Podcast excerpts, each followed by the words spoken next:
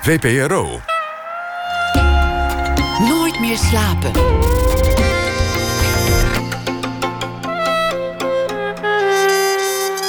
Met Elvie Tromp.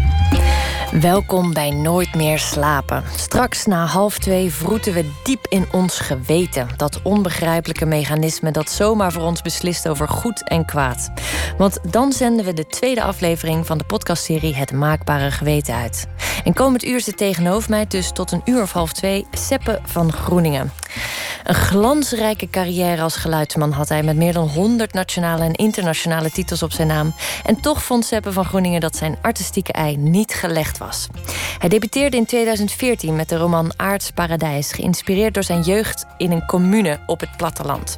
En nu is daar beschreven blad, een zoektocht naar de teloorgang van het idyllische huwelijk van zijn ouders, met op de voorkant een naaktfoto van zijn ja, toch wel jongere vriendin. Mijn muze. Je muze ook nog eens. nou, laten we meteen van de buitenkant naar binnen gaan en het over die voorkant hebben. We zien een prachtig, uh, nou ja, ongeschonden jong vrouwenlichaam in sepia-tint. Mhm. Geen pontje te veel, een lokje haar nog en wat letters op haar arm. Wat deed je besluiten om die voorkant te maken? De titel eigenlijk. De, toen ik, want ik was aan het schrijven, eerst had ik een andere titel. Gaandeweg werd het dan beschreven blad. En ehm, jaar daarvoor was er in, in de krant, in het nieuwsblad, toen het uh, boekenbeurs was, hadden ze een item gemaakt waar ze de schrijver en zijn muze. En hadden ze een viertal schrijvers gevraagd of, of ze met hun muze konden komen. En dan werd er een, een stukje uit het komende boek uh, op de muze geprint en een fotosessie gedaan. Dus op, op Fleur van Groningen, mijn vriendin, stond toen een, een, stukje, toch een behoorlijke lap tekst op haar rug en op haar arm. En toen we thuis kwamen, stond het er nog steeds op. Want ze hadden gezegd, het was er makkelijk af. Maar uh, drie dagen later hebben we echt moeten schroppen om het eraf te krijgen. Maar dan heb ik thuis zelf foto's genomen ook van haar. Met die, met die soort van uh, tattoos erop. En met de titel Beschreven blad. En het gaat eigenlijk over een zoektocht ook naar de liefde. En, en zij is mijn liefde. En dan met, met de titel beschreven blad en zij met die tekst op haar arm, vond ik het allemaal samenvallen. Ja, en toch kies je voor dat, nou ja, dat ongeschonden lichaam. Beschreven blad denk je ook toch aan een, nou ja, misschien een oudere, geleefdere lichaam. Ik vond het ook ergens wel, nou ja, misschien klinkt dat hard, maar een cliché. Een vrouwenlichaam zo als object neer te zetten. Um, het wordt ja. vaak gebruikt. Voor veel boeken zie je een vrouwenlichaam in sepia-tint. Oh, nou. Als... ja, nou, ik vroeg me af, was je daarmee bezig? Of? Nee, het was gewoon een foto die ik gemaakt had. En dan met de, met de titel die ik dan bij het boek passen vond, uh, vond ik die titel, uh, die foto, uh, ja, perfect passen. Ook met die, ja. Um, en Fleur heeft daar toestemming gegeven, want ik heb het daar natuurlijk gevraagd ook. Um, en ik, ja, ik had er niet bij stilgestaan dat er veel boeken waren met vrouwen op de covers. Uh, uh, dus ik, ik, dacht dat het wel origineel was. nou, het is zeker origineel je eigen verhaal natuurlijk met je eigen vriendin en heel intiem ook.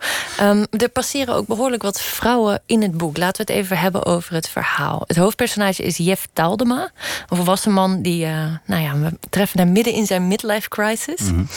En um, hij ontmoet twee vrouwen die eigenlijk spiegels voor hem hoog houden. Een hedonistische feestgodin die Goesje heet. Ja. Een hele aardse naam is.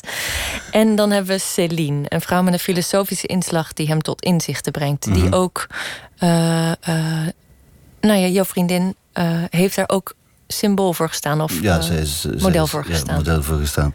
Um, ja, het, het, is een zoektocht van Jeff Taaldeman die eigenlijk uit een relatie komt waar hij een dochter heeft achtergelaten, uh, plots op vrije voeten is en dan die goesje tegenkomt die een pak jonger is dan hem en waar hij helemaal aan verslingerd raakt.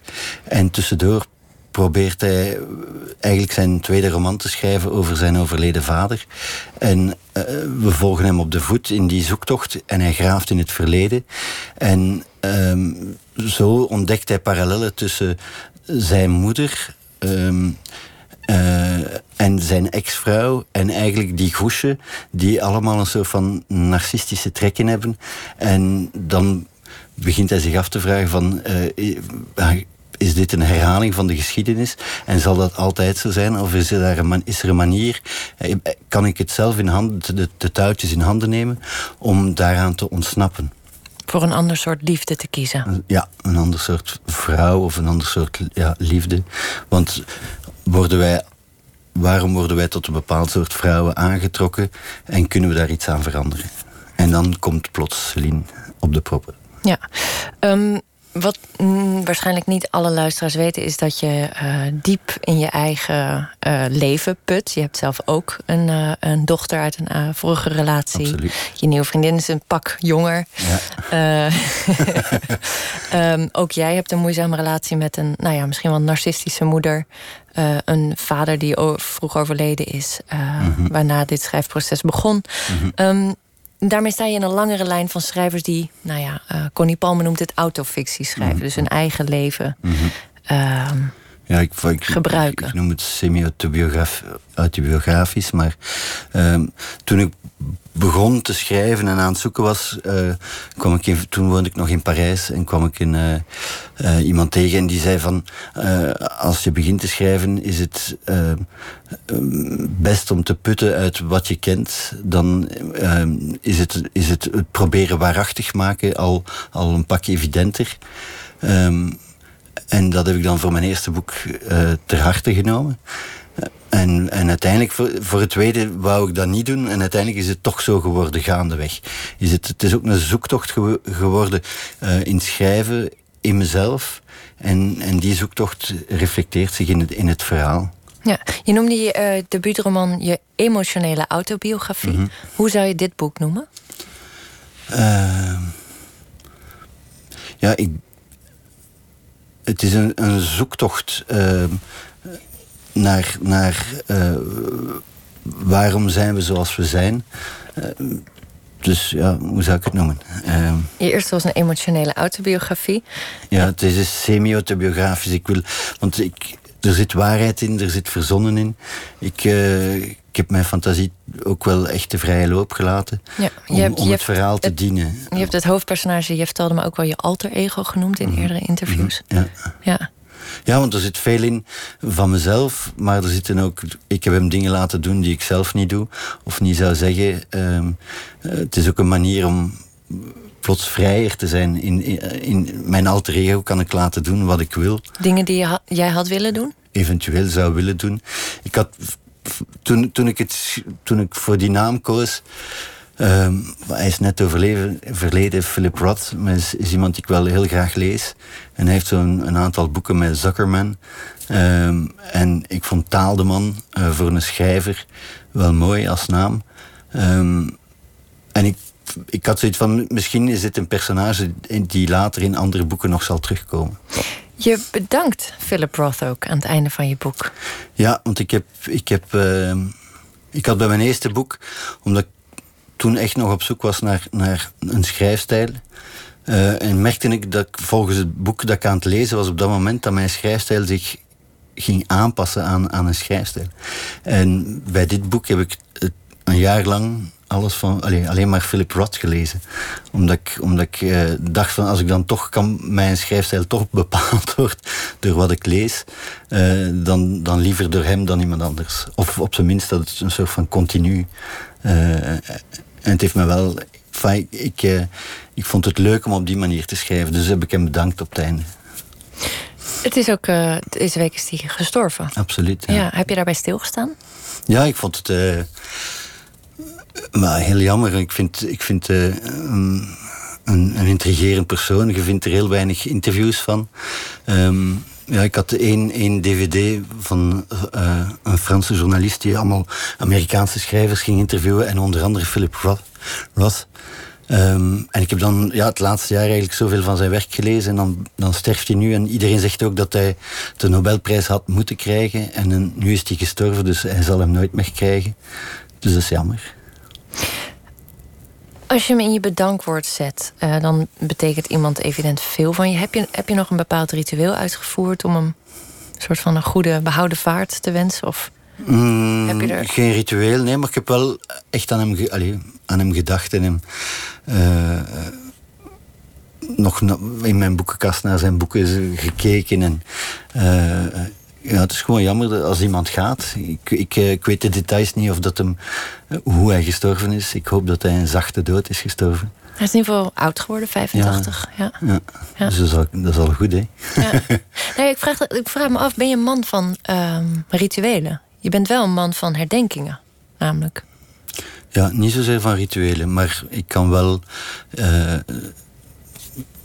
dingen in het verleden uh, ja, telkens herkouwen om te, te proberen begrijpen waarom iets gebeurd is zoals, waar, waarom iets gebeurd is zoals het gebeurd is, of waarom ik iets gezegd heb tegen iemand en of ik dat anders had kunnen doen. Ik ben ook iemand die.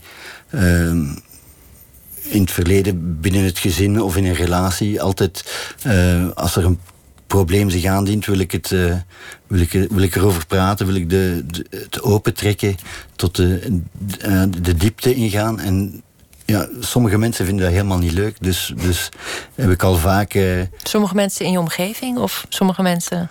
Ja, in mijn omgeving ook. Maar in het algemeen zijn er mensen die, die liever, uh, als er een probleem is, uh, het, het in een potje met een dekseltje onder in de kast zetten. En, en hopen dat het verdwijnt. Terwijl mijn idee is dat de weggemoffelde problemen stapelen zich op. En vroeg of laat uiten ze zich toch op een of andere manier. Dus daarom wil ik het het potje open doen en uitkuisen. En dan kunnen we weer verder aan de slag. ja, ja, er is natuurlijk iets bespreekbaar maken en er is een boek schrijven. Of een boek schrijven, ja. ja. Ja. Maar omdat, ik het niet altijd, omdat het mij niet altijd lukt om, om er met mensen over te praten, is dat misschien mijn, mijn oplossing geworden. Ik weet het nou, niet. Voordat ik naar de boek en de inhoud van het boek ga, ben ik toch benieuwd wat het was aan Philip Roth wat jij zo goed vond. Want dat heb ik eigenlijk nog niet gevraagd. Eh, was het zijn stijl of zijn onderwerp? Ik vind zijn, zijn schrijfstijl uh, heel, heel vlot en, en, en wat ik. Uh, wat heb jij van hem geleerd? Um, ja, ik vind dat hij soms uh, een, vrij leesbaar verhaal vertelt over echte mensen. Uh, maar er zit altijd wel een, een groter thema uh, doorheen het boek. En, en dat heb ik ook op, op mijn manier geprobeerd. Dat het eigenlijk. Het is, we volgen Jeff Taaldeman gedurende een week of twee. Maar we springen in de tijd, flashbacks. Uh, ondertussen uh, lezen we wat hij schrijft over zijn vader, waar hij in de huid van de vader kruipt. Dus we krijgen een soort van gelaagdheid. terwijl dat we toch eigenlijk heel dicht op de huid zitten van Jeff Taaldeman. Een beetje à la Rosetta van Les Frères Dardenne, wat toen ooit een statement was waar de camera twee uur lang gewoon echt op de schouder van iemand, van, van een meisje, Rosetta zit. Dit is een film? Dat is een film, ja. En we volgen haar. Dat is ooit de Gouden Palm in, in Cannes geweest. En dat Welke was, regisseur was dit? De uh, Les Frères Dardenne. Oké, ja. En dat was toen, omdat was zo, toen die film uitkwam, was het begin van reality TV. En zij hebben dat in hun film uitvergroot. Gewoon echt met de camera twee uur lang op één persoon. En die de meest banale dingen doet. Uh, en in, mijn boek zit dat ook, enerzijds, maar anderzijds.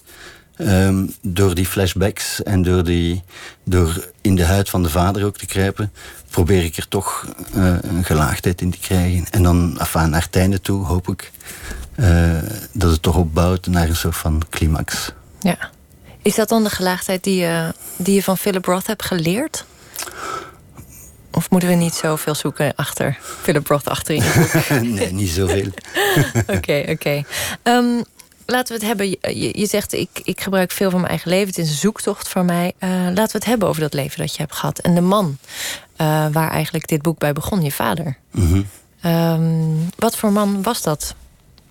Goh, mijn vader was een, uh, ja, iemand een vorige generatie, katholiek opgevoed, uh, met, een, met een hele liefdevolle vader en een, nogal een kille moeder en die, die, uh, zijn, die haar kinderen niet echt aankon. En die ze op. Dus mijn vader heeft altijd op internaat gezeten, maar telkens voor maandenlang. Die kwam pas met de kerstvakantie en dan de paasvakantie naar huis. En dan vaak tijdens de vakantieperiodes werd hij op, op uh, kampen gestuurd. Um, en Um, dus die heeft zijn, zijn ouders eigenlijk enorm gemist. En dan ehm, kwam de, als hij jong was, de flower power, de, de hippie-tijd eraan. Ehm, en dat was, dat was een reactie daartegen, heel, heel. en hij was daar deel van. En dus.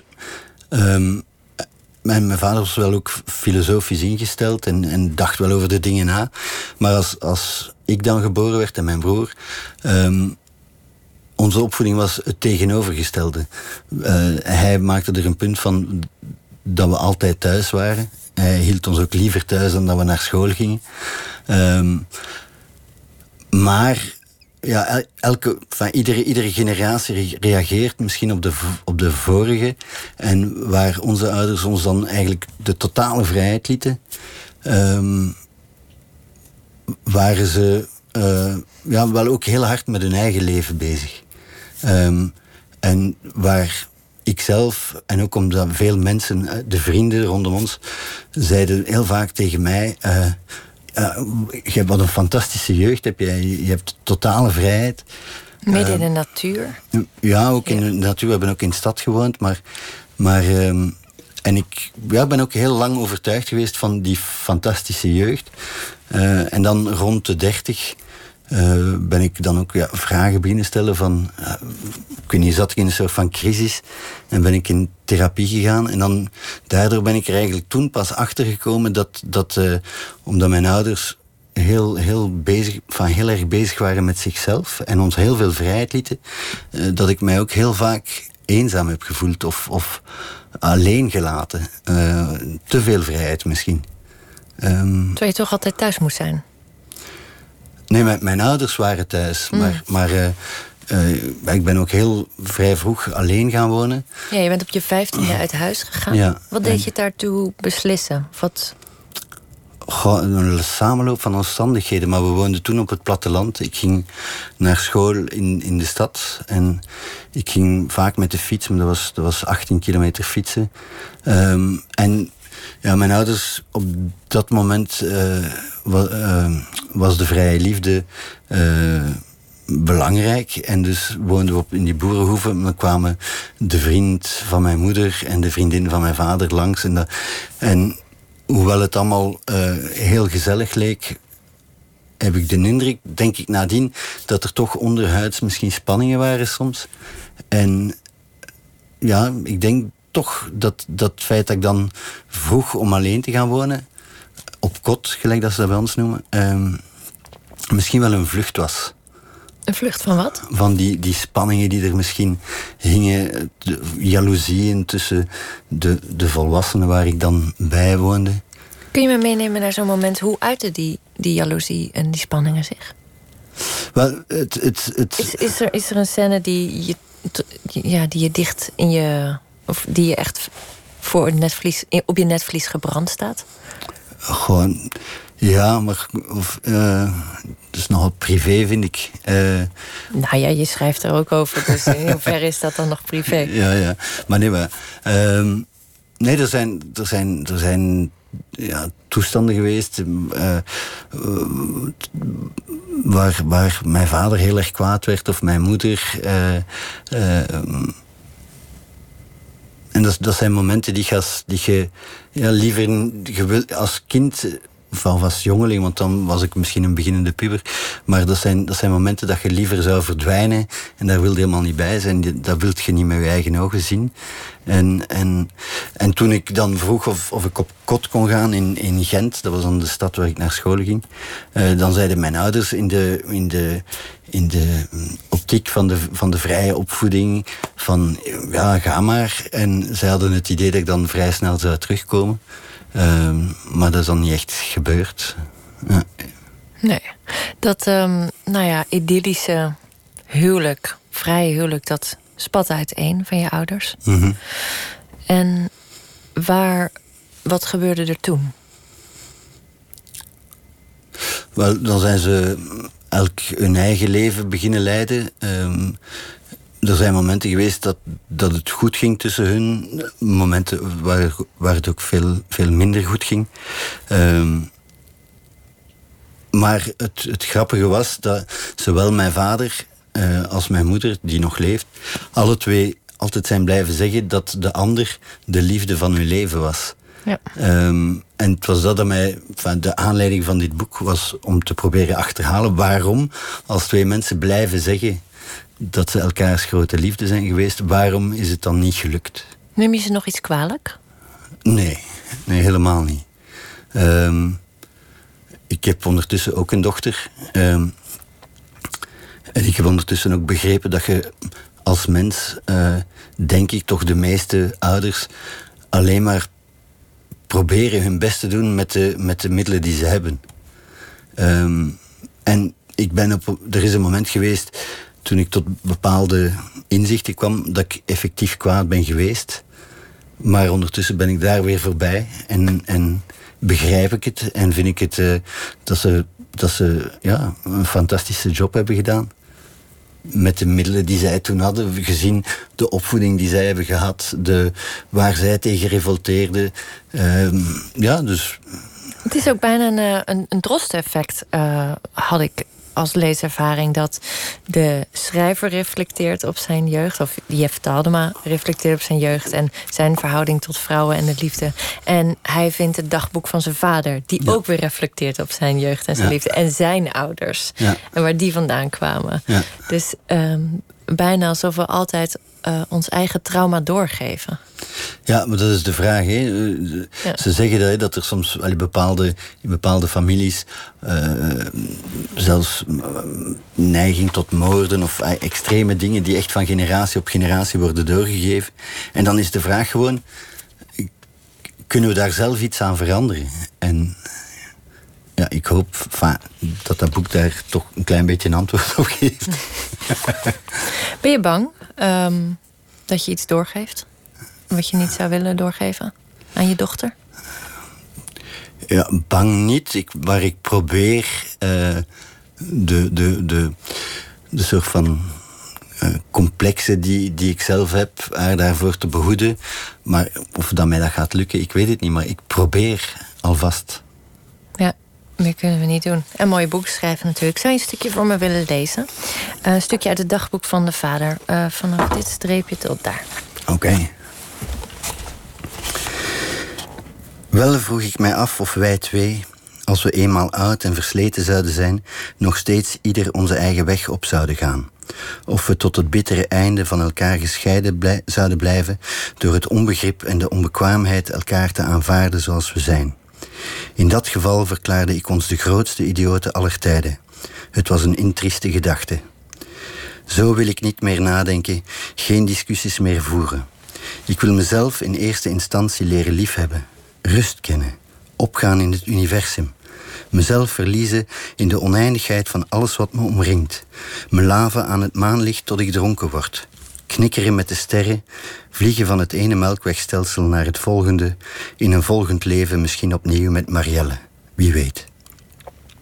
Tegelijk wil ik mijn ego neersteken en mezelf in mijn gezicht slaan, tot bloedens toe, voor alle stommiteiten die ik heb begaan. Tot ik vergeten ben waar ik ben, wie ik ben en wat ik doe. Dat is geen paradox. Het is de enige uitweg die me nog rest. En dit schrijft hij eigenlijk ja, op zijn sterfbed. Ja. ja. Ja. Het was alsof mijn vader en ik tijdens het schrijven met elkaar versmolten. Een postume symbiose. Je vader is inmiddels overleden. Mm -hmm. Ja. Twaalf jaar geleden, ja. Ja. Dertien jaar al ondertussen. Ja, ja, ja dat blijft een... Uh... Want mijn vader was... Uh, de laatste jaren had ik er heel, heel nauw contact mee. Was mijn grootste vriend. Uh, mijn toeverlaat. en dat blijft een, een open wonde die, die wel dichtgroeit. En, maar dat blijft, ik noem dat fantoompijn. Het, is, het, het, het zal er altijd zijn. Uh, en het wordt, het wordt uh, met de jaren absoluut leefbaarder. En er zijn al dagen dat ik niet meer aan hem denk. maar dan heel plots door het lezen van een passage in een boek of, of een scène in een film uh, wordt die wonde weer uh, opengehaald en, en vloeien de tranen. Uh, is een, ja, dat was gewoon, ik vond, vond het een, ja, een hele fijne mens. Ja, dat, dat komt ook wel naar, naar, naar voren. Terwijl het is een heel gelaagde man. Het is niet per se een makkelijke man geweest. Het was ook een man die, toen jij naar de kunstacademie zei... ondanks al zijn vrijbuiterij... Nee, absoluut niet. Ja, ja dat was dan een van zijn uh, stokpaardjes uh, nog meegegeven dan toch uit zijn opvoeding van uh, uw maniora moet je afmaken en je moet een studie halen, wat zijn ouders ook tegen hem hadden gezegd. En ze hadden hem verplicht om dan naar de universiteit te gaan en hij is begonnen aan, aan een doktersopleiding. Ehm, maar ja, hij heeft daar, heeft daar met knoken naar de professors gegooid en, en, en, tot, tot, en hij is ermee gekapt. En toch wou hij dan voor mij hetzelfde parcours of het parcours dat hij dan niet had afgelegd. Uh, met als resultaat dat ik uiteindelijk heb ik mijn humaniora uitgedaan. En ben ik in, toevallig in de film beginnen werken. En heb ik dan toch ook geen hogere studies gedaan. Dus de geschiedenis, l'histoire se répète. Ja, ja, ja, over de film gaan we het straks hebben. Uh, we gaan zo even naar het nieuws. Maar eerst wil ik nog weten van je... Is het jou gelukt je ego neer te steken? Uh, ik ben er al aardig in gelukt, maar het steekt nog te vaak zijn kop op. En hoe ga je er dan mee om? Um, ja, ik, ik probeer tijd in te lassen om te zitten en na te denken en, en, en mijn ego uh, terug te dringen. Nou, dat lijken me hele wijze woorden om er even bij uit te gaan uh, en egoloos naar het nieuws te gaan luisteren. Tot zo bij Nooit meer slapen.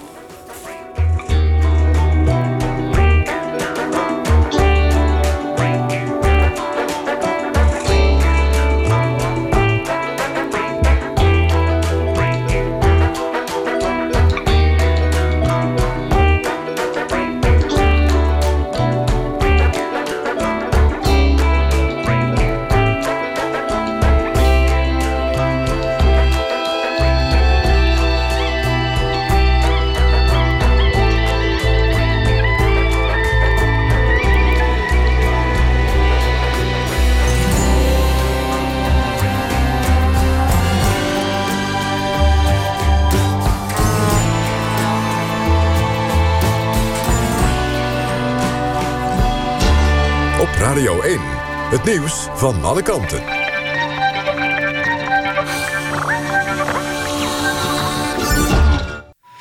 1 uur, Levi van Eck met het NOS-journaal.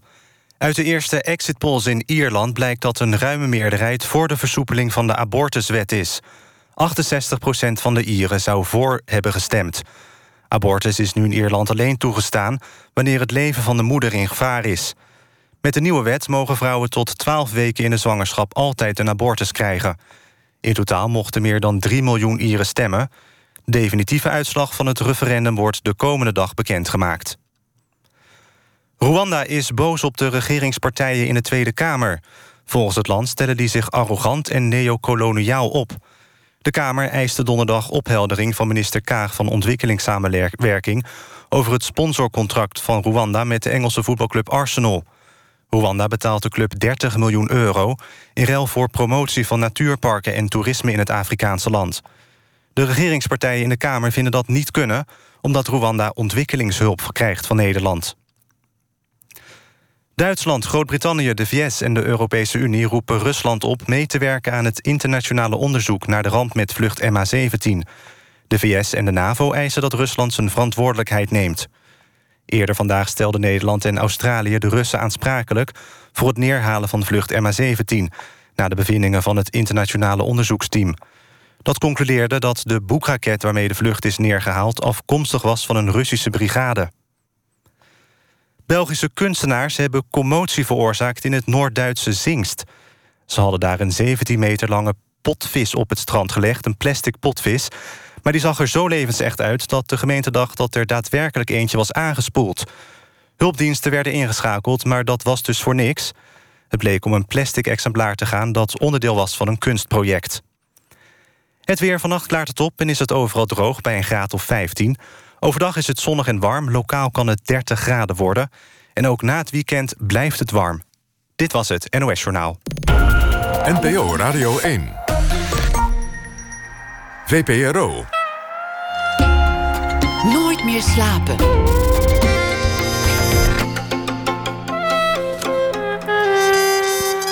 Met Elvi Tromp.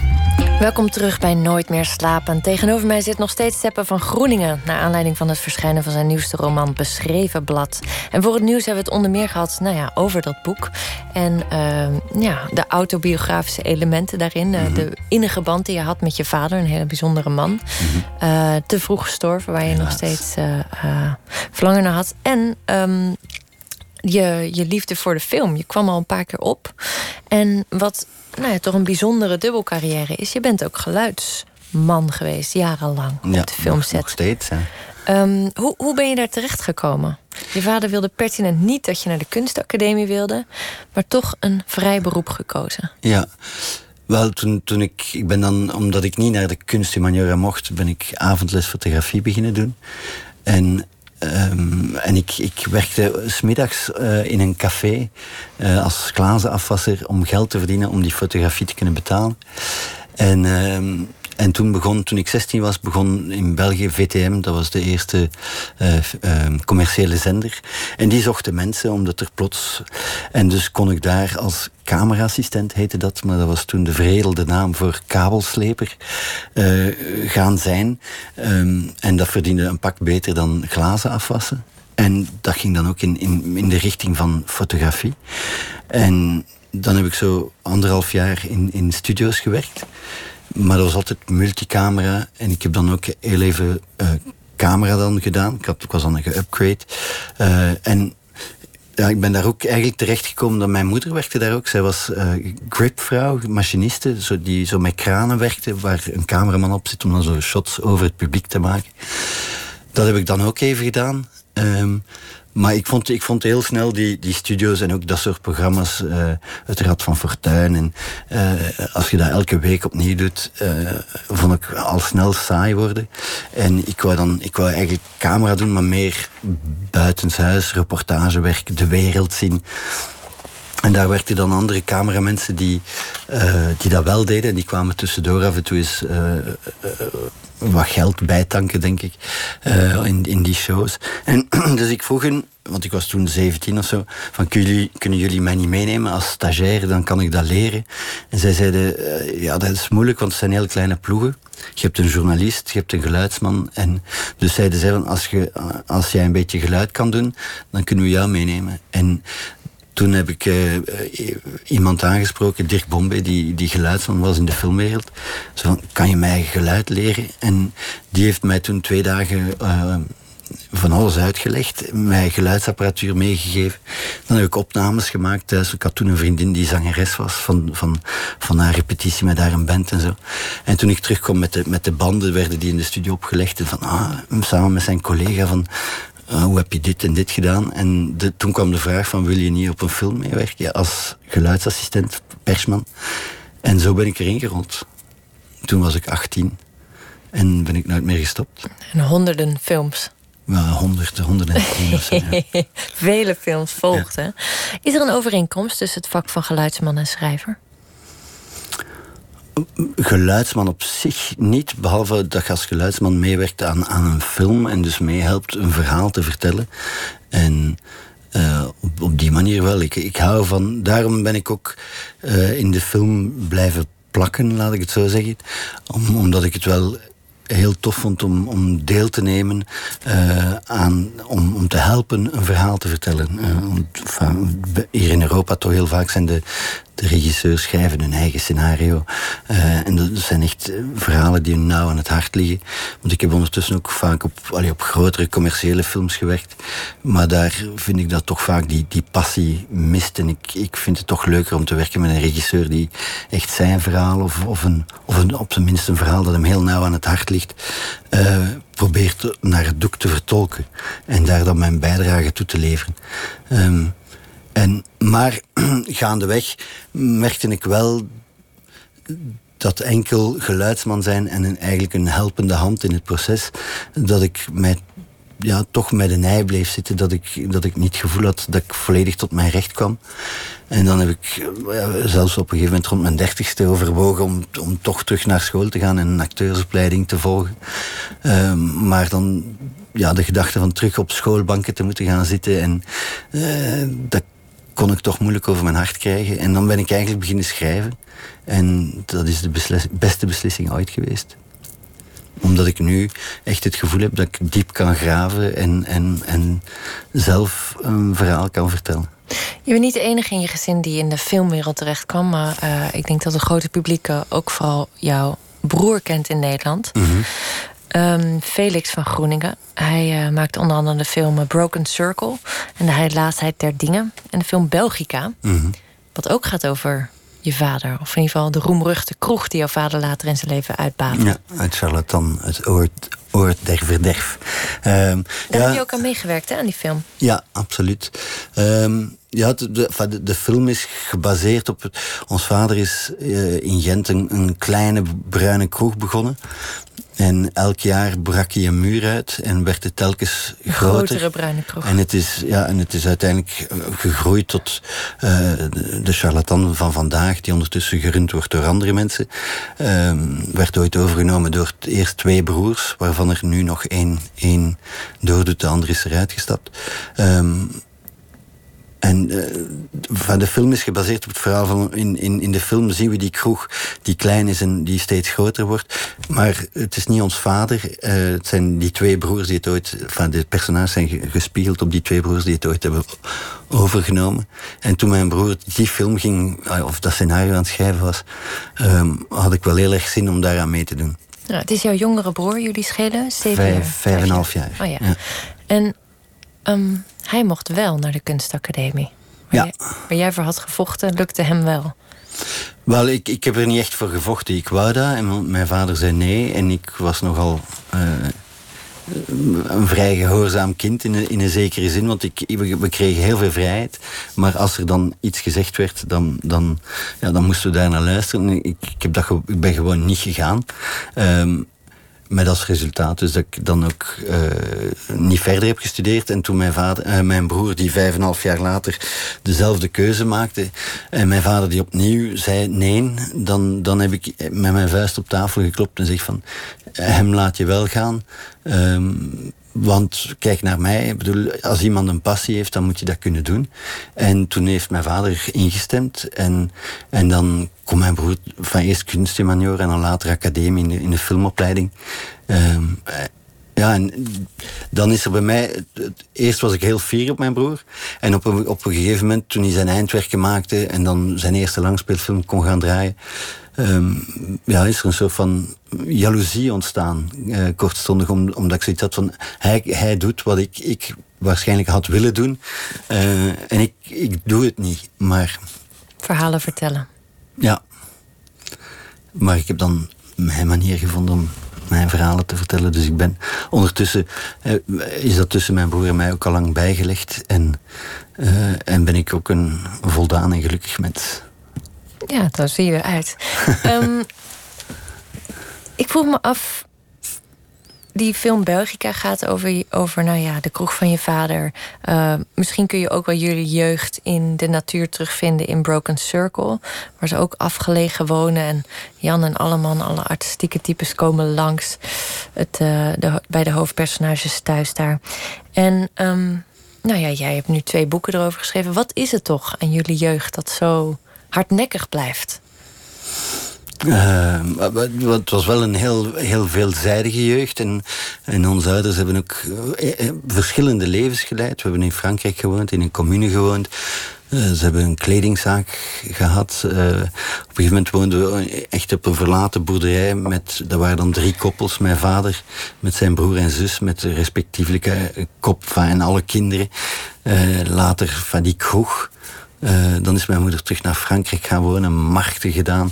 Enfin, er is zoveel gebeurd, er, er, is, er is veel uh, materiaal nog. Ja. Wat kreeg je eigenlijk mee van dat caféleven? God, dat is. Uh, ik, ik, want ik heb ook op, op café gewerkt dan. Hè. Mijn vader zijn kroeg. In het begin werkte ik in, in de film. Dat was niet altijd werken. En dan tussendoor, als ik soms een maand geen werk had, dan stond ik achter de toog te tappen. Um, er zijn hele leuke periodes geweest, want het is altijd feest. Um, maar op de lange duur uh, vond ik dat wel heel deprimerend. Om, omdat je eigenlijk, je ziet allemaal mensen binnenkomen die, die heel uitbundig en uitgelaten zijn, die beginnen te drinken. En, en dan vaak toch eh, ja, dronken en, en soms ruzie krijgen. Soms werd er al eens gevochten. Dan moesten wij als barman tussen de mensen springen, ze uit elkaar rukken. Um, ja, zeker in de late uurtjes, want het was een kroeg die tot vijf, zes uur s ochtends open bleef, uh, kreeg je toch wel vaak een, een duistere kant van, van de mensheid te zien. Ik kan me ook voorstellen dat dat als schrijver heel interessant is, juist.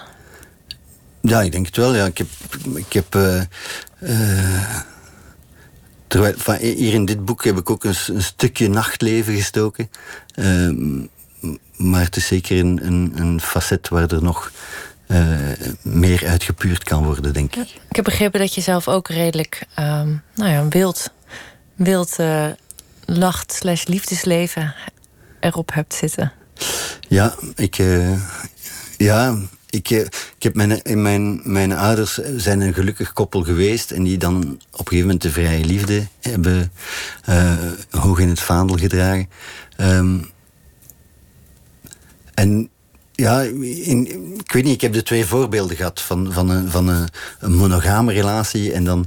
Um, en ik ben eigenlijk zelf wel altijd op zoek geweest naar de grote liefde. Omdat ik erin geloofde, omdat ik misschien gezien had hoe mooi het kan zijn. En dan, maar, maar in de tussenperiodes ben ik wel heel losbandig geweest. Ja. En dan door, door uh, het café van mijn vader, waar ik dan ook, ook boven woonde. Um, en als, als barman uh, ja, had ik wel heel veel succes in die periode. En, en, en dan heb ik daar ook uh, gretig uh, van genoten. Ja, ja, en je ziet dan ook de lelijke kantjes van de liefde. De wanhoop die om half vijf toeslaat bij alle singles. Ja, ja, het is niet altijd even, even mooi. Nee. nee, nee, niet even vrij. Nee. nee. Komt die onrust nog, nog wel eens omhoog? Of is dat toch, net zoals bij je ouders, vele levens geleefd maar dan weer een nieuwe. Nou, nee, nu is, nu is het een nieuwe bladzijde, denk ik. Alhoewel, enfin, ik kan, ik, nee, nee, ik heb qua. Maar ik, ik, kan soms nog wel zin hebben om, om even de bloemetjes buiten te zetten. Maar dan niet qua vrouw, maar wel om, om eens buitenshuis op café en er is flink in te vliegen. Wat heeft die enorme verscheidenheid aan nou ja, liefdesvormen, laat het maar zo noemen, die jij hebt meegekregen van je ouders, uh, met jouw beeld van de liefde gedaan? Ik, je zegt, ik was op zoek naar de grote liefde, maar wat, wat hield dat dan in?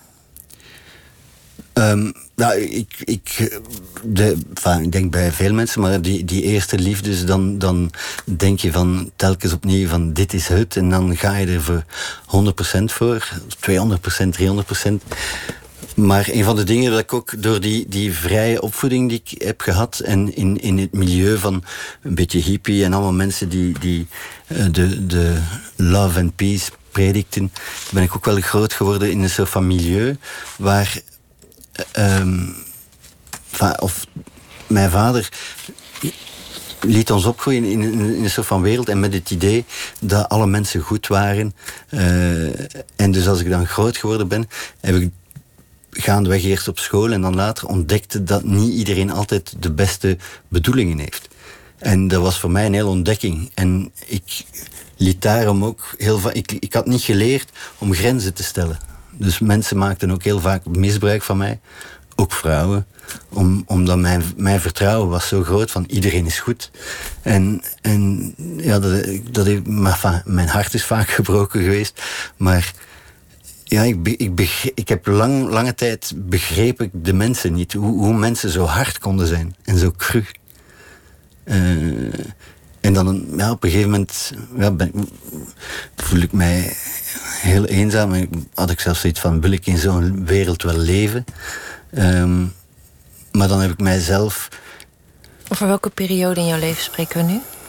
Oh, dat is uh, voor de dertig. Zou je dat suïcidale gedachten noemen dan?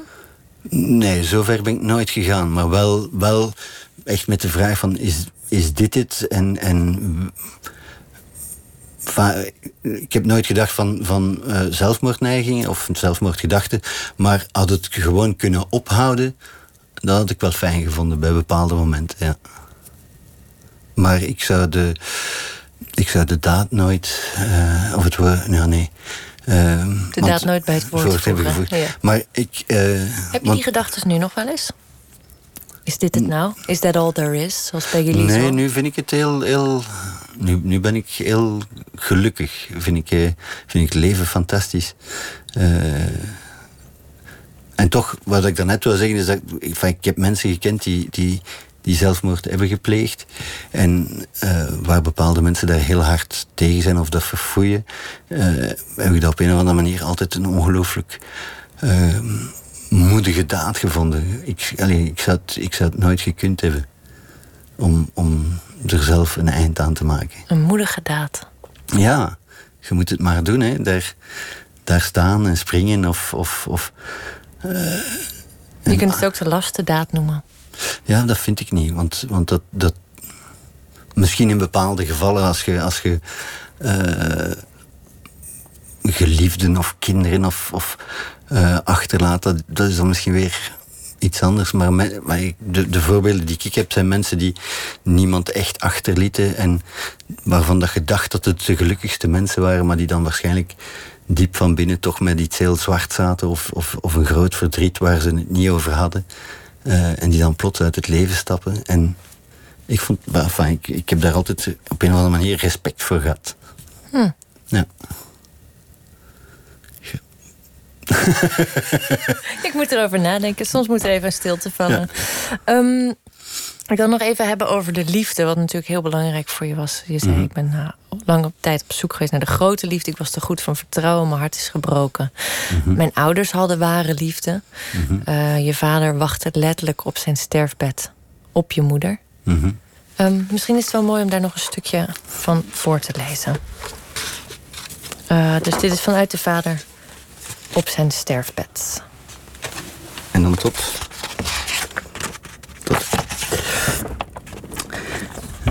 Je kwam naast mijn levenloze lichaam zitten, hield mijn koude hand vast, drukte je hoofd tegen het mijne en liet je tranen de vrije loop. Langs je neus liepen ze over de mijne. Ik wist dat mijn dagboekje onmogelijk bereik kon hebben en tot mijn grote spijt was ik niet in staat om zoals gepland een laatste gesprek met jou te voeren. Machteloos moest ik toezien hoe ik ook nu faalde, tijdens dit, tijdens dit allerlaatste moment met jou, hoe ik jou tekort deed en wederom alleen achterliet, zonder de woorden die een einde hadden kunnen maken aan dat allesverterende schuldgevoel waarmee ik je had opgezadeld. Maar toen boog je voorover en je zei dat je alles al lang begrepen had en dat je me vergaf omdat je begreep waarom ik me in de Pyreneeën zo gedragen had. En je betreurde net als ik hoe de zaken waren gegaan en je drukte me op het hart dat ik me om jou geen zorgen moest maken, dat je zelfstandig door het leven ging en vurig hoopte dat wij elkaar in een volgend leven opnieuw zouden treffen. Om het er dan, dat garandeerde je me, beter af te brengen. Hoewel ik je graag een laatste keer stevig in mijn armen had gesloten, viel alle last van mijn schouders af. En terwijl jij mijn hand nog vast had, viel mijn hart, hield mijn hart het, ondanks de elektronische impulsen, op datzelfde ogenblik voor gezien. Dit ook nog? Nee, dat was nee. het, ja. Oké. Okay. Ja. Ja. Een monoloog van een uh, man die eigenlijk al buiten bewustzijn is. Ja. En zijn grote liefde nog eenmaal aan zijn zijde heeft. Mm -hmm. Dit is ook echt zo gebeurd, hè? Jouw vader bleef leven totdat hij je moeder zag. Nee. Oh, dat is niet nee, zo gebeurd. Oh, dan heb ik dat verkeerd. Hij, heeft op jou, hij heeft op jou en je broer gewacht. Ja, en ik, ik had zijn hand vast toen hij gestorven is. En we hebben nog net de tijd gehad. Ik zei van, ik, ik zie je graag. En uh, hij zei, ik ook. En dat is wel in het gedaan. boek gekomen. Ja. ja. Waarom heb je de moeder toch laten komen? Ja, dat is, dat is gewoon. Enfin, het boek is een mengeling. Ik heb in het boek dingen uh, aangebracht die, enfin, die uh, gewoon om het, het verhaal ten mooier dienste te, te, zijn, ja, om het mooier te maken ja. en, en, en een soort van cirkel rond te maken. En, en het ging over de speurtocht van die de idyllische liefde tussen die twee. En dan vond ik het heel mooi dat zij op het einde terugkomt. Ja. Uh, ja. Voilà. Nu heb je zelf een relatie met uh, columnist en kunstenaar, schrijver, muzikant Fleur van Groningen. Uit, uh, in Vlaanderen is zij uh, nou ja, een bekende Vlaming. Mm -hmm. En um, zijn, jullie noemen elkaar ook zielsverwant. Ja, um, ja, we zijn elkaar hebben elkaar ontmoet en, en meteen klopte alles. En dat gevoel was ook meteen wederzijds, dus liefde op het eerste gezicht. Maar ja, het, het, eh, het, voelt gewoon absoluut perfect. En we zijn nu meer dan drie jaar samen en dat blijft gewoon zo. Ja, dan zet je hoog in. Ja. ja. Ben je bang? Nee, uh, helemaal niet. Ik heb van in vorige relaties, uh, ik weet niet, was het altijd vaak heel moeilijk, heel uh, vechten. van, oh, en, en met Fleur op, op een of andere manier is alles gewoon simpel. En ik had nooit gedacht dat het zo simpel kon zijn. Um, misschien ook omdat we allebei. het is niet dat wij over alles urenlang praten of zo.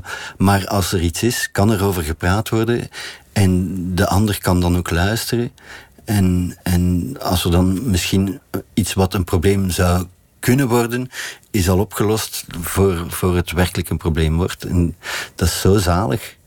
Uh, en dat is denk ik waar ik altijd naar gezocht heb. En, en waarin ik niet meer geloofde. En toen ik ophield met het te geloven of te hopen, gebeurde het. Ja. Reïncarnatie komt ook terug. De vader hoopt de moeder weer terug te zien in een nieuw leven. Mhm. En ook uh, de Celine, uh, het personage gebaseerd mhm. op Fleur, zegt nu: Je vader spreekt tot me en zegt dat je over hem mag gaan schrijven. Mhm.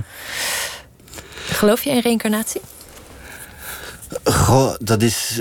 Ik, ik geloof ik geloof wel in iets. Ik geloof, ik, uh, ik heb niet echt een uitleg. Uh, ik zoek ook niet echt naar een uitleg. Maar het enige wat voor mij duidelijk was, uh, tijdens het schrijven van dit boek, heb ik wel het, het idee gehad, misschien omdat ik in gedachten zo met mijn vader in de weer was, maar heb ik echt het idee gehad dat hij dat hij bij mij was en over, echt over mijn schouder meeleunde en mij de woorden bijna influisterde. En, en vandaar dat dat idee van de reïncarnatie, dat dat een optie is die, die best wel eens zou kunnen. Waarom niet? We weten het niet. Ik, uh, ik weet het niet. Het is een mooie troostgedachte. Ja. Nou, ik vond, het, ik vond het ook een opvallende passage, omdat het gaat over een man die, nou ja, eigenlijk in het reinen wil komen met het liefdesleven van zijn ouders en zijn eigen beeld van de liefde. Mm -hmm. En dan toch heeft hij, nou, een andere vrouw nodig die zegt: je mag erover schrijven. Mm -hmm. Alsnog een, nou, toch misschien wel een, een, een baas. Een bazige, dat vind ik een bazige daad. ja, ja, ja, maar. Um...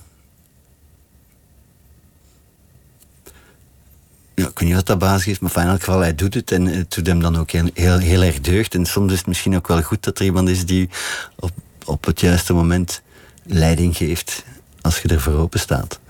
Uh, ik denk niet dat we altijd helemaal alleen het antwoord op alles hebben. En enfin, in elk geval met Fleur, wij, wij schrijven samen in hetzelfde huis. Zij zit op de zolderkamer en ik zit beneden in de veranda. En uh, als ik iets schrijf, vaak, we zien elkaar uh, niet zo vaak, overdag niet, maar we mailen dan naar elkaar binnenshuis en dan laten we elkaar stukjes lezen. En, en uh, vaak, vaak heeft zij een opmerking of ik, ik iets op haar en dat, dat nemen we dan in gedachten mee. En, en dat is een wisselwerking. Dat is niet bazig of, of, of ik vind dat mooi. Je noemde haar aan het begin van het uh, gesprek uh, je muze. -hmm. Ben je dat dan ook voor haar? Dat zou dan haar moeten vragen. Uh, maar in haar, toen, wij, toen we elkaar net kenden, zijn we eigenlijk meteen op, op schrijversgetreiten vertrokken in mijn moeders huis in, in Auvergne. En, en toen schreef zij, enfin, zij schreef bijna dagelijks columns. En toen dook ik op in haar columns als de schrijver. En uh, tegenwoordig ben ik de vriend in haar columns. Dus uh, ik kom er wel in voor. Dus misschien wel, ik weet het niet. Vind je het ongemakkelijk om over jezelf te lezen? Om over mezelf te lezen? Ja. Goh, ja, in, het begin had Fleur mij gevraagd van... mag ik iets schrijven? En dat is dan onder de noemer de schrijver. En ik had zoiets ja, maar ondertussen zijn we langer samen en ben ik de vriend. En meestal laat ze mij de, de, column, laat mij de columns altijd lezen als ik erin voorkom. En er zijn toch er zijn een paar keer geweest dat ik zei van dit liever niet. Uh, ja, er is zo toch een, een, bepaalde grens, ik weet niet, dus gevoelsmatig, wat ik denk van, ja, nee, dit, dit is privé. En heeft ze dat ook bij jou afgedwongen voor dit boek? Ik, ze heeft het gelezen, ze heeft het schrijfproces meegemaakt en, en als zij een opmerking had gehad, dan, dan zou ik daar zeker rekening mee hebben gehouden.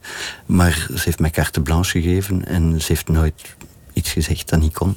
Nee. Beschreven blad uh, ligt nu in de winkel. We zijn in de laatste minuut van ons uh, gesprek uh, aangekomen. Okay. Dus dan rest mij nog één vraag. Wat nu? Wat nu verder? Terug, als, uh, terug op de filmset of terug aan de schrijftafel? Nee, nu meteen maandag vertrek ik op een project naar Ibiza voor zes weken. Oh, wat een straf. Erg, hè? En dan, uh, nadien doe ik dan nog een, een Nederlandse serie. Uh, dat is tot januari. En dan, dan daarna weer schrijven. Welke serie is dat?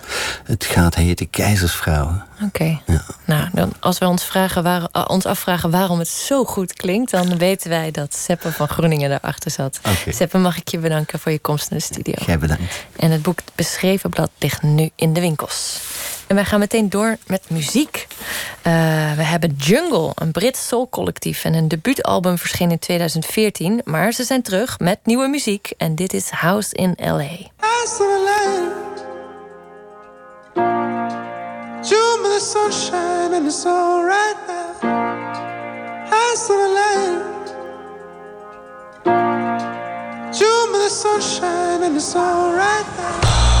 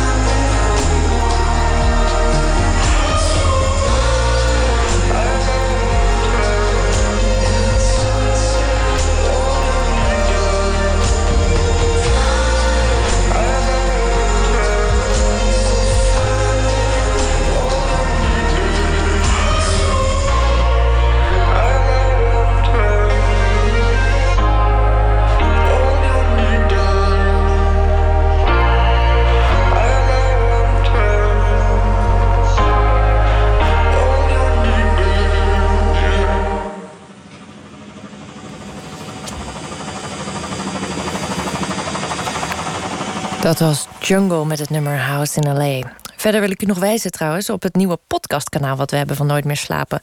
En dat heet NMS, NMS Weekly. NMS. Dus letter N, letter M, letter S. Weekly. Jawel.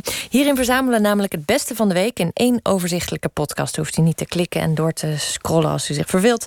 Maar daar staat het allerbeste van de week. En u kunt zich dus op deze podcast, deze NMS Weekly, abonneren via de bekende podcast-apps zoals iTunes en Stitcher. Nooit meer slapen. Dag in dag uit helpt ons geweten ons bij het maken van keuzes en beslissingen. Maar wat als dat geweten een beetje hapert en niet helemaal goed werkt en telkens weer verkeerde keuzes maakt? Kan je dan het geweten verbeteren? Frans Schalkwijk is een voormalig lid van de beruchte bende Vatos Locos en hij helpt makers Ruben en Robin bij het verbeteren van hun geweten. Je zit in een reddingsboot midden op zee. Het is er koud en er heerst paniek.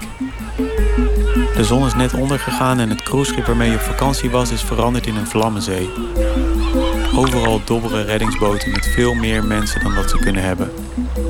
Ook de boot waar jij in zit ligt gevaarlijk diep in het water. Eén man aan boord heeft een nare wond op zijn bovenbeen. Twee anderen drukken op zijn been om het hevige bloeden tegen te gaan. Tegelijkertijd klotst de zee steeds meer water de boot in. Als niemand iets doet, loopt de boot vol en zal niemand het overleven. Hoe acceptabel is het voor jou om deze man overboord te gooien en de levens van je medepassagiers te redden? Ik ben Robin. En ik ben Ruben. En wij zijn op zoek naar het geweten. Dankzij onze gewetensexpert Frans Schalkwijk tasten we al wat minder in het duister van dat vage, mysterieuze en machtige mechanisme wat voor ons beslist over goed en kwaad. Nu we weten wat het is en hoe het ontwikkelt, vroegen wij ons af: kan je dat geweten ook verbeteren? In deze aflevering vertelt een voormalig bendelid van de Vatos Locos hoe hij dat deed. En vertelt Frans hoe wij aan ons geweten kunnen sleutelen. Welkom bij aflevering 2, het verbeterde geweten. Mensen die heel weinig empathisch zijn, die nauwelijks kunnen invoelen wat het voor een ander betekent, hebben een matig of slecht ontwikkeld geweten. Mensen die eh, door een verstandelijke beperking niet zouden kunnen weten hoe het hoort, of wat mag of niet mag, die hebben een minder goed ontwikkeld geweten. Mensen die heel gevoelsarm zijn en nauwelijks schuld of schaamte voelen, hebben een gebrekkig ontwikkeld geweten.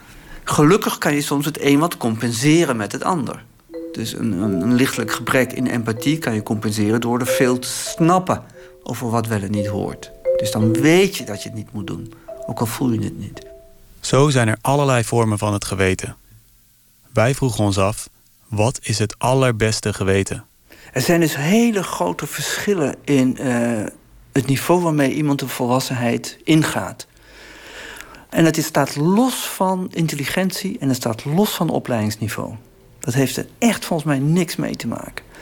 Er zijn mensen die volledig op het stadium blijven waarin het concreet handelen en de concrete betekenis daarvan voorop blijft staan. Wat betekent het voor mij of direct voor mijn naaste als ik dit of dit doe? En die daar niet uh, de bredere wereld bij betrekken. En het ultieme is natuurlijk als je echt altruïstisch kan denken maar het belang van het grote geheel vind ik zelfs belangrijker dan dat ik er baat bij heb. En ik denk dat we blij mogen zijn als 3% van de mensheid dat haalt, of 2 of zo. Dat zijn er maar heel weinigen. Maar op welk niveau wij dan zitten? Misschien zitten wij wel op level 1 of 2 en de rest van de wereld op 4 en 5. Op welk niveau zit jij, Ruben? Best hoog hoor. Oh ja? Ja. Ah ja. Ik weet niet of mensen met een uh, heel goed ontwikkeld geweten dat ooit over zichzelf zouden zeggen. En jij? Denk je?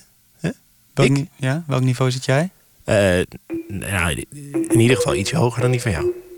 Jouw geweten is beter dan die van mij. Ja. Dat vraag ik me af hoor. Ja? nou, ik denk dat wel. Uh... is, is er een manier om daarachter te komen, denk je? Al sinds jaar en dag leggen mensen elkaar gewetenskwesties voor om te kijken of ze uit het juiste hout gesneden zijn. Kwesties waarin niet in de realiteit wordt gehandeld, maar in iemands gedachten. Kies je voor het belang van jezelf of dat van een ander? Of van de grote groep? Duw je die gewonde man van boord of liever niet? Help je liever je naaste of de mensen ver weg? Hier zijn er nog twee. Je vader dreigt te stemmen op een partij die jij als een gevaar ziet voor de maatschappij. Jij bent gemachtigd om zijn stem uit te voeren. Doe je het? Wat is het beste? Vijandige soldaten hebben jouw dorp overgenomen. Ze hebben de opdracht om alle overgebleven dorpelingen dood te schieten. Jij zit samen met een aantal dorpelingen ondergedoken in de kelder van een groot huis. Buiten de kelder hoor je stemmen van soldaten die in het huis op zoek zijn naar waardevolle spullen. Dan begint je baby hard te huilen. Snel druk je je hand op zijn mond om het geluid tegen te gaan. Als je loslaat, zal het huilen de aandacht van de soldaten trekken en iedereen, inclusief jij en je kind, doodschieten. Om jezelf en de anderen te redden, moet je je kind laten stikken tot de dood. Zie jij in dit geval het verstikken van je kind als onaanvaardbaar, aanvaardbaar of verplicht? En? Waar sta jij? Als je moet kiezen voor jezelf of kiezen voor de groep ten koste van jezelf? Het is wel confronterend om te merken hoe verleidelijk het is om voor jezelf te kiezen. Is ook begrijpelijk. Ik bedoel, het vraagt ook wel heel veel om met iets in te stemmen waarvan je weet, daar ben ik zelf, kom ik er slechter uit. En toch denk je dat het moet gebeuren. Ja. Er zullen wel veel mensen zijn die zeggen dat ze dat vinden. En dat ze dat belangrijk vinden. Hoe kunnen wij ons aansluiten bij dat hele kleine groepje mensen met een supergeweten? Is het überhaupt mogelijk om daar een beetje bij in de buurt te komen? Het geweten is niet een op zichzelf staand iets waar je aan kan sleutelen.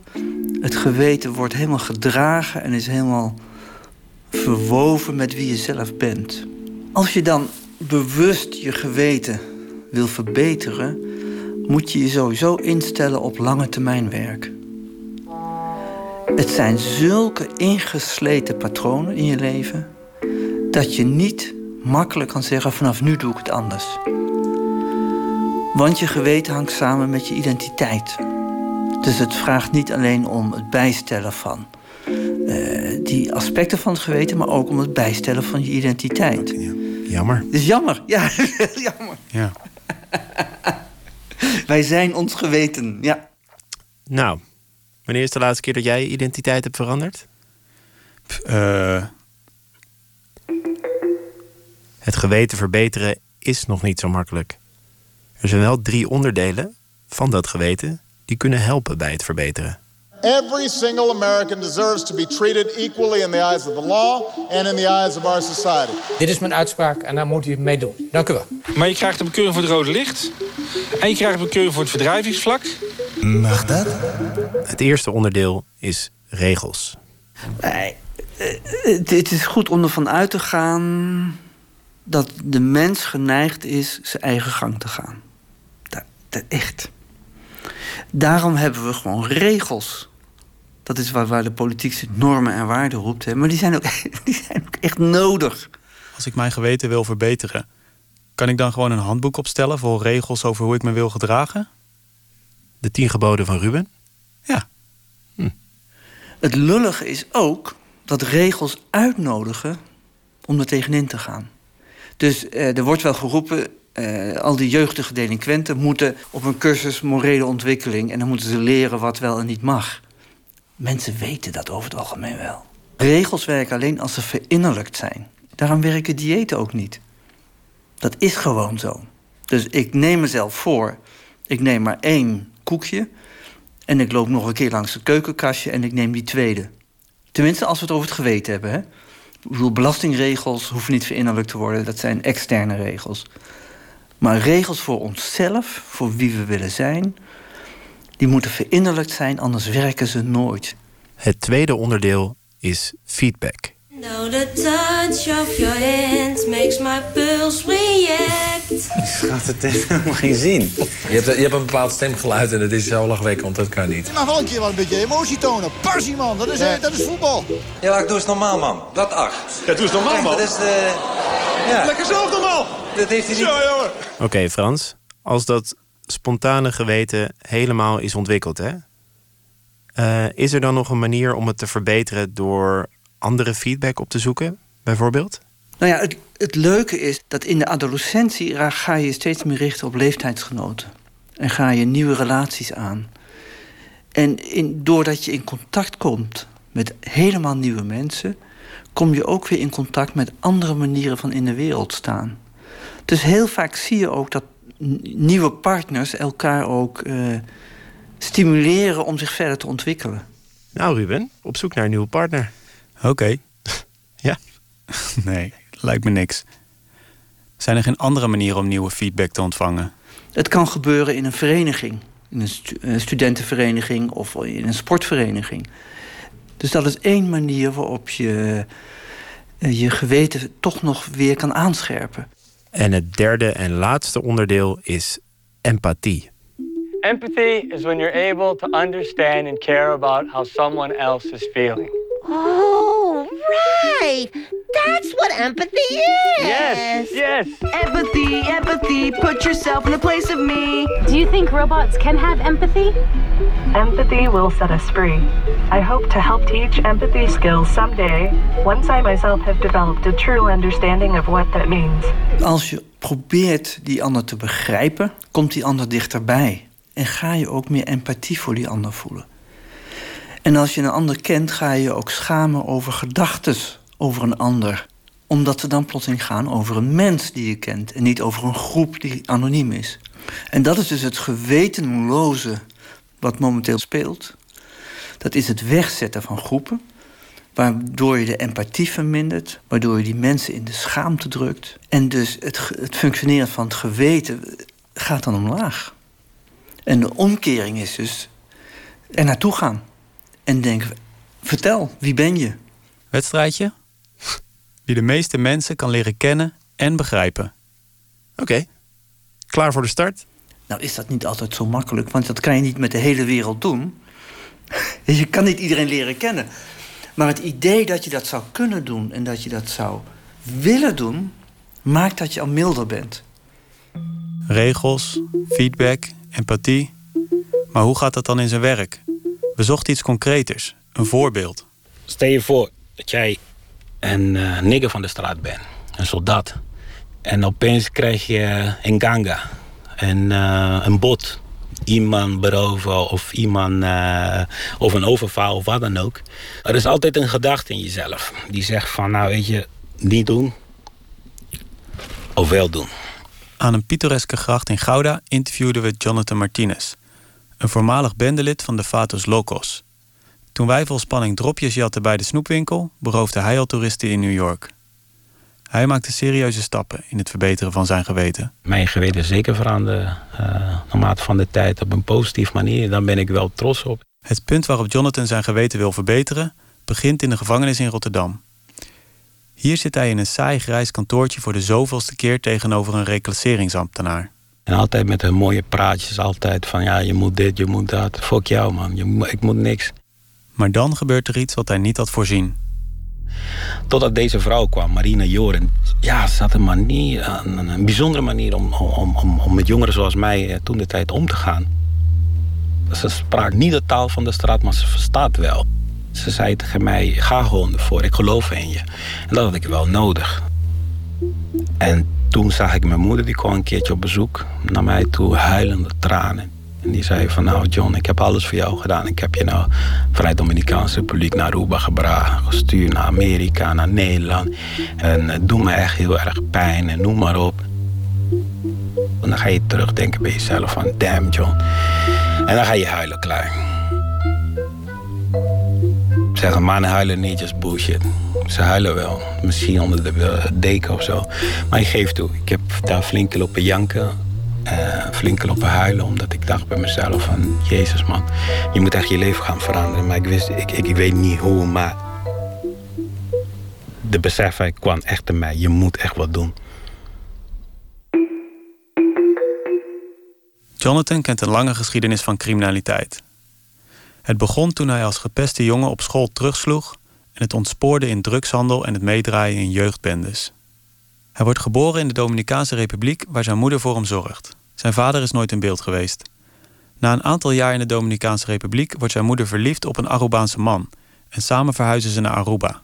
Dus was heel, uh, voor mij was het heel erg verdriet om, uh, uh, om mijn eigen land achter te laten. Maar ja, je hebt niks te willen op dat moment, dus je moet mee. Maar al gauw blijkt dat de nieuwe man van zijn moeder agressief is. Hij sloeg mijn moeder, hij mishandelde mijn moeder en ja, ik vond dat niet meer kunnen.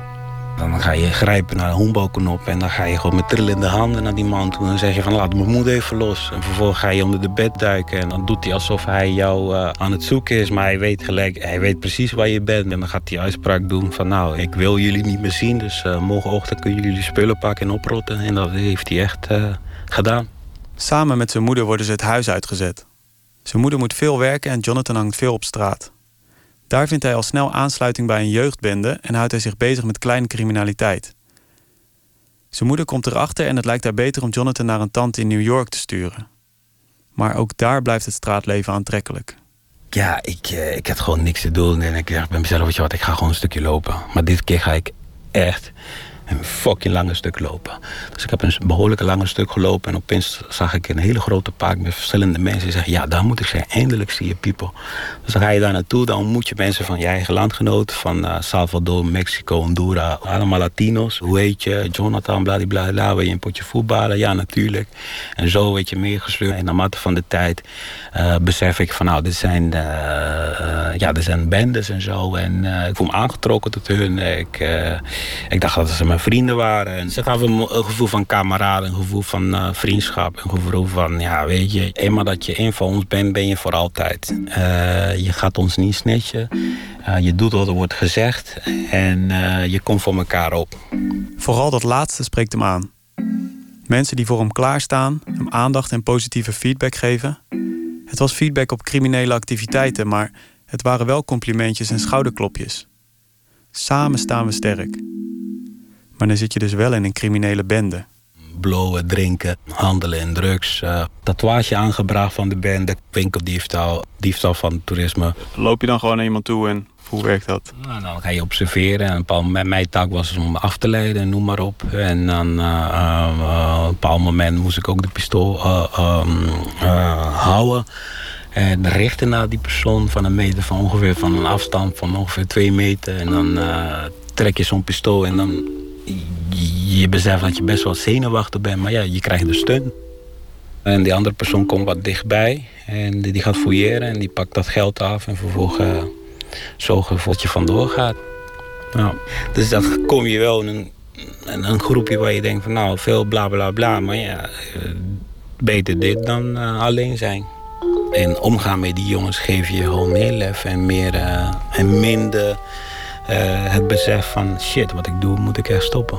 En dan ga je andere karakter van jou uh, creëren, vormen. Hij weet het lang verborgen te houden voor zijn tante, maar als hij erachter komt, wordt hij weer teruggestuurd naar zijn moeder, die inmiddels in Rotterdam woont. Ook in Rotterdam is het bendeleven aantrekkelijk, maar nu belandt hij dus in de gevangenis en even later huilend onder de dekens. Hij wil zijn leven beteren. Vervolgens mag je terug op straat. En ik zei ook nog tegen Marie, nou, ik ben te gevoelig daarvoor. Ik denk dat ik ga belanden in oude uh, gedrag. Dus ik, ik zou heel graag in het leger komen. Het leger heeft hele strenge regels. En regels kunnen helpen je geweten te verbeteren. Maar ik heb een strafblad van Tokio. Dat gaat mij never nooit lukken. Toen heeft ze gezocht, gezocht, gezocht. En toen kwam ze bij de Glen Mills School. Ook de Glen Mills School hanteert strenge regels. Het was een instelling voor jeugdzorg en onderwijs. Het programma van deze school lijkt op de structuur van een bende. Er was veel hiërarchie en sociale status was erg belangrijk. Niemand koos er vrijwillig voor om op de Clem Mills school te zitten. Niemand. Behalve Jonathan. Je moet één ding niet vergeten, ik was vrijwillig. Uh, ik heb vrijwillig voor gekozen voor de Glen Mills. Ik ben de enige die daar ooit vrijwillig was voor gekozen voor de Glen Mills school. Omdat ik mijn leven wou veranderen. Hij doet het goed daar. Hij wil veranderen. En het lukt hem om de regels eigen te maken. Hij rondt de school af, ontmoet een vrouw en samen krijgen ze een kind. En uh, dan moest je wel keihard werken voor de pampers en de melk. En dat was best wel duur. Hij vindt een baan als tramconducteur en alles lijkt goed te gaan. Maar zijn verleden haalt hem in. Plotseling staan er twee rechercheurs bij hem op de stoep... die hem vertellen dat hij ontslagen is... en hoe hij het in zijn hoofd heeft gehaald om te werken met zo'n strafblad. Dan heeft Jonathan een vrouw, een kind en geen baan. Uh, kwam een aanbod naar mij toe. Van, hey John, weet je, is 10.000 euro wij kunnen makkelijk verdienen hier. Zou je aan mij willen doen? Ja of nee? Ik had dat geld nodig. Ik dacht bij mezelf van, nou weet je, het is wel verleiden, maar... En ik had echt mijn tijd genomen. En ik had een fles gehaald en ik dacht van, wat moet ik hier doen? Uh, de kans is heel klein dat ze mij oppakken, maar de kans is ook groot dat ze mij pakken. Het is 50-50. Dus ik dacht, nee man, dit, is, dit schiet niet op. Dit schiet niet op. Maar op dat moment is het wel makkelijk uh, gezegd dan gedaan. Ja. Maar achteraf, na twee weken, had ik wel zo'n verlosgevoel van dat je nee kan zeggen tegen dit. Dat zegt heel veel over jou.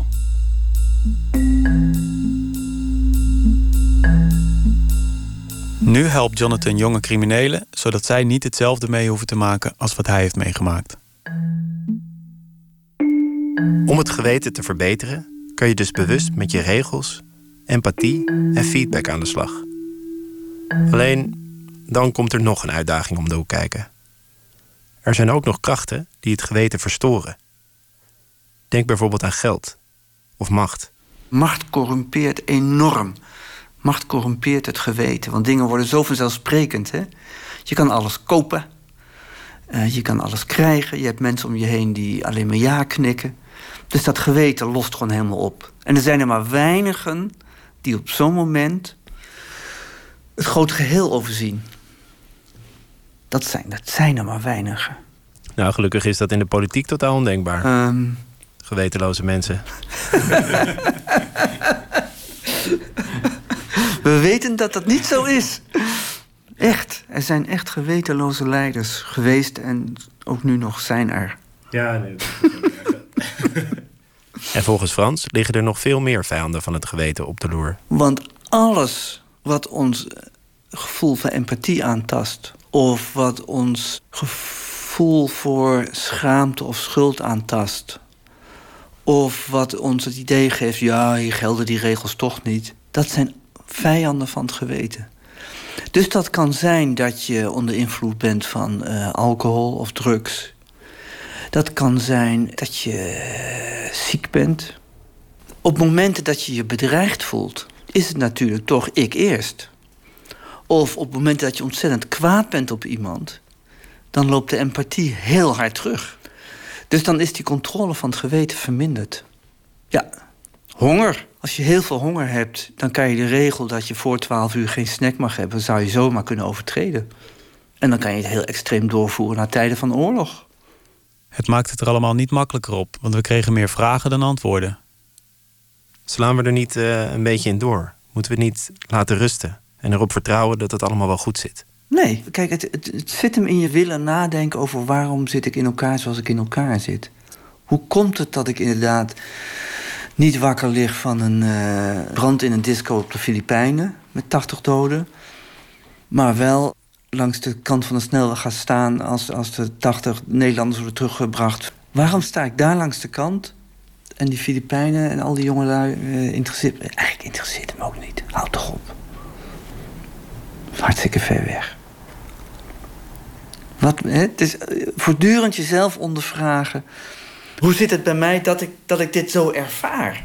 Het leek ons wel fijn als er een cursusje gewetensverbetering was. Of een tabletje waardoor je je goed gaat gedragen. Dat je in één keer van dit morele gedoe af bent. In de volgende aflevering kijken we of we ons geweten kunnen vervangen. Is het mogelijk om een computer morele beslissingen te laten nemen? Of is een godsdienst de oplossing? Of een hulplijn? Kunnen we een hulplijn inschakelen? Is er iemand die ons hiermee kan helpen?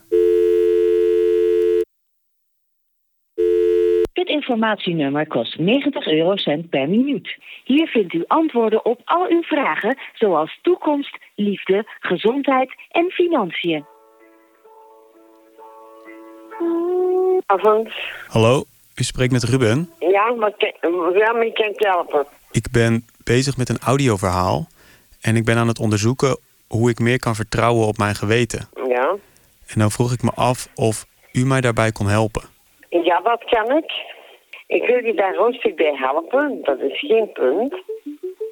Maar je moet ook goed de draad oppakken dan. Luister, ik ben geboren met een gave. Dat gaat in golven, in vibraties, in level. Geen één mens kan perfecte keuzes maken, schat. Een mens is geboren met fouten, met vallen en met opstaan. je kunt niet alles veranderen, schat. Die keuzes over goed en slecht, ja, nou, die, die staan vast, ja. Je eigen ik, je, je bent toch niet, eh, niet God allemachtig? Nou, een geweten is bijvoorbeeld... Ja, uh, God... Ik heb het je al, uh, al tien keer gezegd. Je hebt wel een ingewikkeld thema gekozen, hè? Ja. Heb je je van tevoren bedacht wat, wat hier allemaal bij komt kijken? Nou, nee. Ja, maar je zal toch iets hulp erbij nodig moeten hebben. Omdat je sommige dingen niet begrijpt. Dat was deel 2 van de podcastserie Het Maakbare Geweten van Ruben Pest en Robin van Gelder in samenwerking met VPRO Dorst gemaakt. En mijn rol als presentator zit er voor nu op voor vanavond, maar ik ben zo nog te horen als columnist in het volgende programma, De Nacht van de Radio. En maandag zit hier Pieter van der Wielen op de stoel en die praat met filmmaker Marco Niemeyer naar aanleiding van zijn tweede documentaire Garden of Life, waarin hij een man en zijn tuin portretteert. En Alzheimer heeft van de wereldreiziger een beschouwende tuinman gemaakt. En terwijl de seizoenen verglijden, verliest hij langzaam de controle over zijn leven. Dat onder meer maandag. En straks natuurlijk de nacht van de radio van BNN Vara. Ik wens u een goede nacht toe. Tot nooit meer slapen.